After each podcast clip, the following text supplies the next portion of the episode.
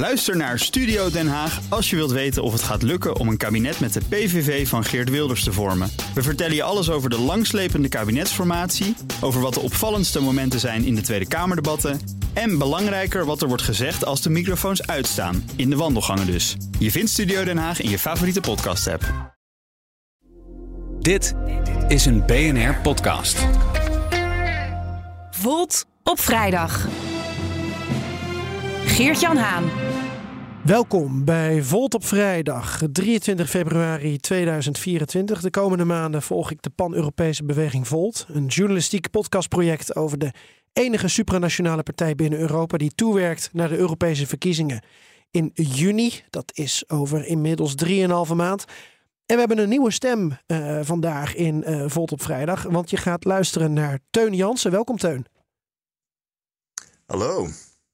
Even korte introductie misschien. Op jouw LinkedIn staat Policy Shaper van Volt Europa, maar je bent veel meer. ja, klopt. Dat was een beetje een, uh, beetje een fancy term voor wat eigenlijk gewoon een beleidsmedewerker was. Dus ik heb voor een groot gedeelte voor ons uh, Europees beleidsprogramma voor de Europese verkiezingen de buitenland en defensie gedeeltes geschreven. Um, ja, ik heb drie jaar bij Klingendaal gewerkt als EU-trainer voor ambtenaren, diplomaten uit Nederland, Europa, andere gedeeltes van de wereld. En ik ben eigenlijk al sinds 2018 bij Volt actief. En je bent kandidaat voor de Europese verkiezingen? Ja, nummer drie. Dat moet wel lukken. We gaan het hopen. We gaan, we gaan er keihard voor vechten.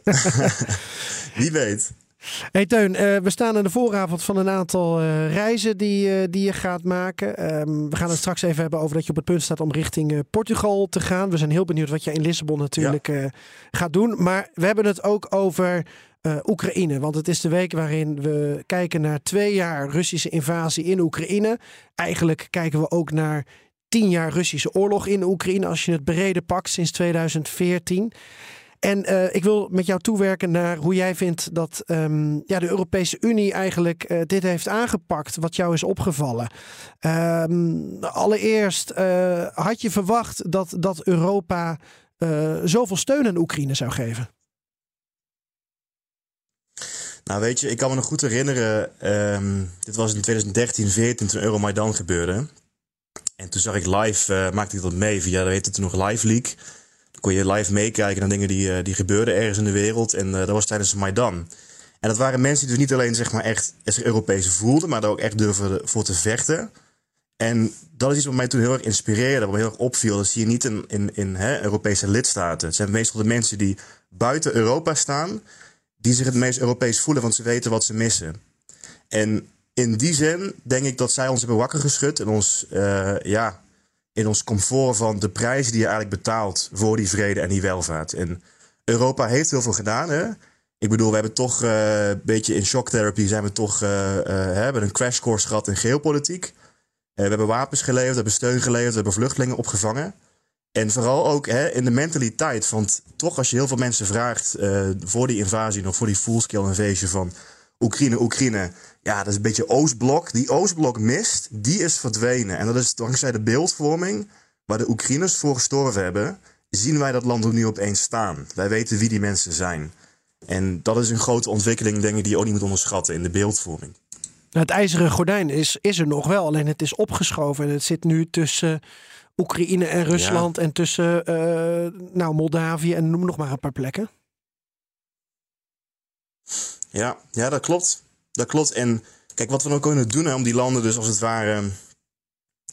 Waar het ook over gaat, is die landen die een Europees verhaal hebben... die willen heel graag bij de Europese Unie komen. Wij zien ze nog op heel veel manieren, dat zeg je denk ik ook heel erg terecht, nog niet staan. Maar ze hebben ook heel veel te bieden. Als je denkt aan een land als Oekraïne, maar ook Moldavië... dat zijn landen met gigantisch veel hè, potentieel in, in, in de landbouw, de interne markt... Denk zelfs aan dingen als zeldzame aardmineralen, maar ook de, de weerbaarheid en de mentaliteit van die samenleving. Dat is iets waar ook wij nog heel veel van kunnen leren. Wat, wat wil Volt Europa eigenlijk als het gaat om de integratie van, van dit soort landen in, um, in de Europese Unie? Moet de Europese Unie het uiteindelijke uh, doel zijn? Uh, moet het zo snel mogelijk? Moet het uh, zo goed mogelijk? Wat is de -hmm. intentie? Ja, we zijn dus van mening dat we dus dat en heel ambitieus moeten aanpakken, maar er ook realistisch over moeten zijn. Ehm, die landen die hebben nu helemaal heel veel hervormingen nodig. En ik denk dat een land als Nederland daar ook hè, uh, zich daar heel erg hard voor kan maken. Wij staan erg voor de rechtsstaat. Uh, met die uitbreiding naar Oekraïne toe bijvoorbeeld toe, kun je je voorstellen dat we, dat we gaan zien dat om dat land klaar te maken voor dat lidmaatschap, uh, je kunt het niet in één keer erbij krijgen. Van je ziet ook al wat er gebeurt in Polen, hè, boze boerenprotesten. Dat gaat gewoon heel veel impact hebben. Dus daar moet je goed over nadenken en dat grondig doen. Dus dan zeg je bijvoorbeeld, oké, okay, heeft bijvoorbeeld haar Hooggerechtshof hervormd. Ze hebben een grote stap gemaakt. Of ze hebben zoveel oligarchen in de gevangenis gekregen. Nou, dan hebben ze bijvoorbeeld al recht op 10% of 15% van het EU-budget wat ze zouden krijgen als ze voorwaardig lid waren geweest. Dus zo geef je hen als het ware de reden, de motivatie om te blijven hervormen. En je kunt ook tegen Nederlanders zeggen: zie je wel, dit levert wat voor ons op. En we doen dit grondig en met de rechtsstaat in het achterhoofd. En dat is denk ik de manier hoe je het het beste zou kunnen aanpakken. Ja, en in, in jargon uh, wordt er dus heel erg gekeken naar het acquis. Er wordt gekeken naar of uh, Europese mm -hmm. wet en regelgeving in Oekraïne wordt geïmplementeerd in allerlei ministeries. Daar zijn ze ook al bij bezig.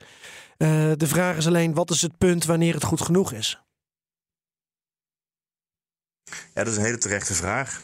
En ik denk dat zij, als jij met Oekraïne zelf praat, van ik heb ook via Klingendaal heb ik eigenlijk de luxe mogen hebben om met die mensen zelf in gesprek te gaan. Van ik heb ook training gegeven voor de uh, hoofdonderhandelaars van Oekraïne en Moldavië. En voor hun is het nooit genoeg. voor hun is het een soort van. Zij zien ook echt die uitbreiding niet als iets technisch, hè? niet als dat acquis wat jij noemt, dat, dat, dat klopt ook. Maar ze zien dat veel meer als een project om hun land te transformeren. Om hun land echt een volwaardige democratie te maken. Met een, met een functionerende rechtsstaat, met waardigheid. Hè? Die Euromaidan heette niet voor niets de revolutie van waardigheid. Dus voor hun is dat proces nooit ten einde. En als je kijkt naar landen die nu in de Europese Unie zitten, zoals Hongarije, die zelf aan het afdrijven zijn met hun rechtsstaat en hun democratie, dan is dat ook nooit een proces wat ooit ten einde is. En zo moet je er ook over nadenken, denk ik, dat we veel meer die rechtsstaat met die uitbreiding met elkaar gaan verbinden. Klinkt allemaal heel erg technisch, maar dat is hoe je het moet gaan aanpakken, want dat is een proces wat nooit ten einde is eigenlijk. Ik ben nog wel benieuwd of jij uh, een idee hebt of op basis van jullie programma inziet waarop um, uh, Volt Europa zich op dit punt kan onderscheiden van andere partijen. Want uh, ja, de, de tijdsgeest de afgelopen twee jaar waren voor Europa en zeker voor Oekraïne niet fijn. Maar ze zijn wel steeds meer overeengekomen met waar jullie eigenlijk voor staan. Dus is Volt Europa nog wel. Um, ja, hebben jullie nog wel een, een bijzonder verhaal eigenlijk? Vroeg ik me af. Ja, absoluut. En ik, ik kan je dat vertellen met iets wat we nog gaan doen. Dus het is bijna twee jaar sinds die full-scale invasion, sinds die invasie uh, van Oost-Oekraïne. Um, en wij hebben als Volt hè, chapters in al die verschillende landen in Europa. En we hebben er ook eentje in Oekraïne zitten. En die zijn nu bezig met zichzelf op te richten, te groeien. Dus wij hebben nu een plan om in april met een heel aantal kandidaten uit Griekenland, Spanje, Duitsland, ik ga zelf ook mee. En ook onze huidige Europarlementariër Damian, om daarheen te gaan en hun laten ondersteunen en te laten zien: kijk, Volt is anders dan al die andere partijen die jij noemt. Want wij hebben daar daadwerkelijk mensen op de grond zitten die in hetzelfde idee geloven en daarvoor durven te vechten. En dat is het onderscheidende karakter. Een Maidan, dat was ook echt grassroots democratie. Er kwamen spontaan volkskeukens, mensen gingen piano spelen tegenover oproerpolitie. Dat is wat Volt is, dat is waar Volt voor staat. En daarom gaan we ook naar Kiev in april om ze daarin te steunen. Ja, maar goed, ik, ik zou bij de Europese verkiezingen ook op de VVD kunnen stemmen. Want die zeggen ook uh, de steun voor Oekraïne moet onvoorwaardelijk zijn. Ja, dat zeggen ze. Dat klopt. En daar hebben ze ook natuurlijk heel veel hè, beleidsmatige ideeën over en zo. Maar ik zie niet nu VVD-Europarlementariër kandidaten naar Kiev gaan met mensen over heel Europa. En daar ook zeg maar dat verhaal uitstralen. Het gaat ook over wat je doet. En ik kan je nog één voorbeeld noemen. Ik was twee weken geleden in, uh, op reis, omdat in Praag en uh, in Bratislava, dus in Volt Tsjechië en Volt Slowakije, begonnen ze ook een campagne daar. En uh, ik was op een gegeven moment in Brno, dat is een stad ergens in Tsjechië, met Volters die geen Engels spreken, maar wel super actief in Volt geloofden. En ze hadden daar zelfs een local councilor zitten, een gemeenteraadslid. En toen ben ik gaan flyeren in Bratislava met, met Hongaren uh, en Slowaken en een paar andere Nederlanders, waaronder Tetske, dat is onze nummer 10 op de lijst, hebben we daar zitten flyeren, campagne zitten voeren voor Volt Slowakije. En dat is toch echt heel anders. Dan zie ik niet een, een, een VVD via Renew Europe of andere partijen zie ik dat niet doen. wij, wij dragen dat ook echt uit. Want we hebben daar mensen zitten met hetzelfde programma, met dezelfde idealen. En we ondersteunen elkaar. We gaan letterlijk op reis met elkaar tijdens die campagne dus ook. Eh, eh, we sluiten zo af met dat jij op het punt staat om naar Portugal af te reizen. Maar toch even terug naar de beginvraag. Uh, Europa heeft de afgelopen twee jaar een heleboel dingen gedaan waarvan we van tevoren misschien dachten dat Europa dat niet zou doen. We zitten inmiddels aan sanctiepakket nummer 13 tegen Rusland, dat is goedgekeurd. Heb jij iets in gedachten waarvan je zegt, nou, dat had ik echt niet voor mogelijk gehouden de afgelopen twee jaar? Ik had niet verwacht dat wij dat Duitsland en een paar andere cruciale landen die in hun DNA hebben zitten, hun naoorlogse DNA, dat nooit meer oorlog betekent pacifisme. Dat betekent je eigen land op orde hebben, leren van het verleden en je verantwoordelijkheid nemen. Dat dat ook omgesmeed kon worden tot een nooit meer oorlog. Dat betekent ook dat je bereid bent om andere landen te verdedigen, die ook snakken naar Europa, die zich ook Europees voelen. Dat dat buiten jezelf kijken, buiten jezelf treden, dat verrast me wel heel erg. Maar dat gaat meer over de beeldvorming. En je ziet toch een land als Duitsland ook. Hè, ze hebben het over die Zeitenwende. Dat is allemaal leuk en aardig. Maar er moeten ook concrete stappen nog genomen worden. Die beeldvorming verandert, maar de actie niet. En ik denk dat je heel concreet, dat je de komende maanden moet gaan zien... als we echt wakker willen worden... en we hebben te maken met een Trump, die heeft heel duidelijk gezegd... ik laat niet alleen Rusland de NAVO binnenvallen... als ze niet betalen, die landen. Hè? De zaak is heel transactioneel. En als Poetin heel duidelijk signaleert dat hij de Baltische Staten aanvalt als hij de kans krijgt. Doe even RT of doe even Sputnik aan. Hè? Dat kan je gelukkig niet meer doen in Nederland, maar in veel landen in de Europese Unie wel nog. Ze hebben het al over alsof ze in oorlog zijn met Rusland. Dan moeten we ook echt heel snel heel erg creatief gaan worden. En dan heb ik het over dingen als die 300 miljard euro aan bevroren Russisch tegoeden. Die moeten we gewoon gaan inzetten. Niet daarvan de winst van gaan gebruiken, maar gewoon die voorwaardige 300 miljard euro. Dan heb je het over Taurus-raketten bijvoorbeeld, die Duitsland nog steeds weigeren te leveren. Maar dan heb je het ook over dat we gezamenlijk als Europa munitie gaan inkopen. Het is allemaal leuk hè, dat we dan zeg maar een Europees commissaris voor defensie gaan opzetten. Dat is belangrijk. Mhm. Maar ik vind dat heel erg laaghangend fruit. En ik vind dat veel te weinig ambitie voor de schaal van het probleem. Want dit is een existentiële oorlog. Niet alleen voor Oekraïne, maar ook voor ons. Ik moet denken aan Jaap de Hoop Scheffer, uh, voorzitter van uh, van Klingendaal. Die uh, uh, bij Nieuwsuur zei dat, dat hij eigenlijk eh, een soort transformatie in Europa heeft gezien. En misschien ook wel bij zichzelf. Dat Europa van, vanuit denken van angst op escalatie met Rusland aan het transformeren is naar denken vanuit ehm, zelfvertrouwen of wat je zelf zou kunnen. dat is een transformatie die jou wel moet aanstaan waarschijnlijk. FDR zei: We have nothing to fear but fear itself. En ik denk dat dat de kern is. En het is ironisch dat een Amerikaanse president dat zei. Terwijl nu bij uitstek de Amerikanen zijn die terugschrikken in dit conflict. Um, we hebben gezien vanaf het begin van de oorlog, we hadden het over. Ja, als we stingers gaan leveren, dan gooit Poetin een tactisch nucleair kernwapen op Kiev. Dat is niet gebeurd. We hadden het over artillerie. Het gebeurde ook niet. Uh, het vlaggenschip van de Russische Baltische vloot werd kapotgeschoten. Dat gebeurde niet. We hebben inmiddels tanks geleverd. Uh, kruisraketten. Uh, het hoort bij de Russische manier van oorlog voeren. En dat kun je ook gewoon vinden. Hè. Dat is geen sprookjesverhaal van samenzweringstheorie. Onderdeel van hun militaire strategie is dat ze ook onze bevolking beïnvloeden met psychologische oorlogvoering. En jij was laatst ook, volgens mij maandag was dat, hè, bij een voorstelling van Beatrice de Graaf van Niels Dros, mijn collega, over we moeten ook beter leren doorgronden hoe die Russische oorlogvoering psychologisch werkt.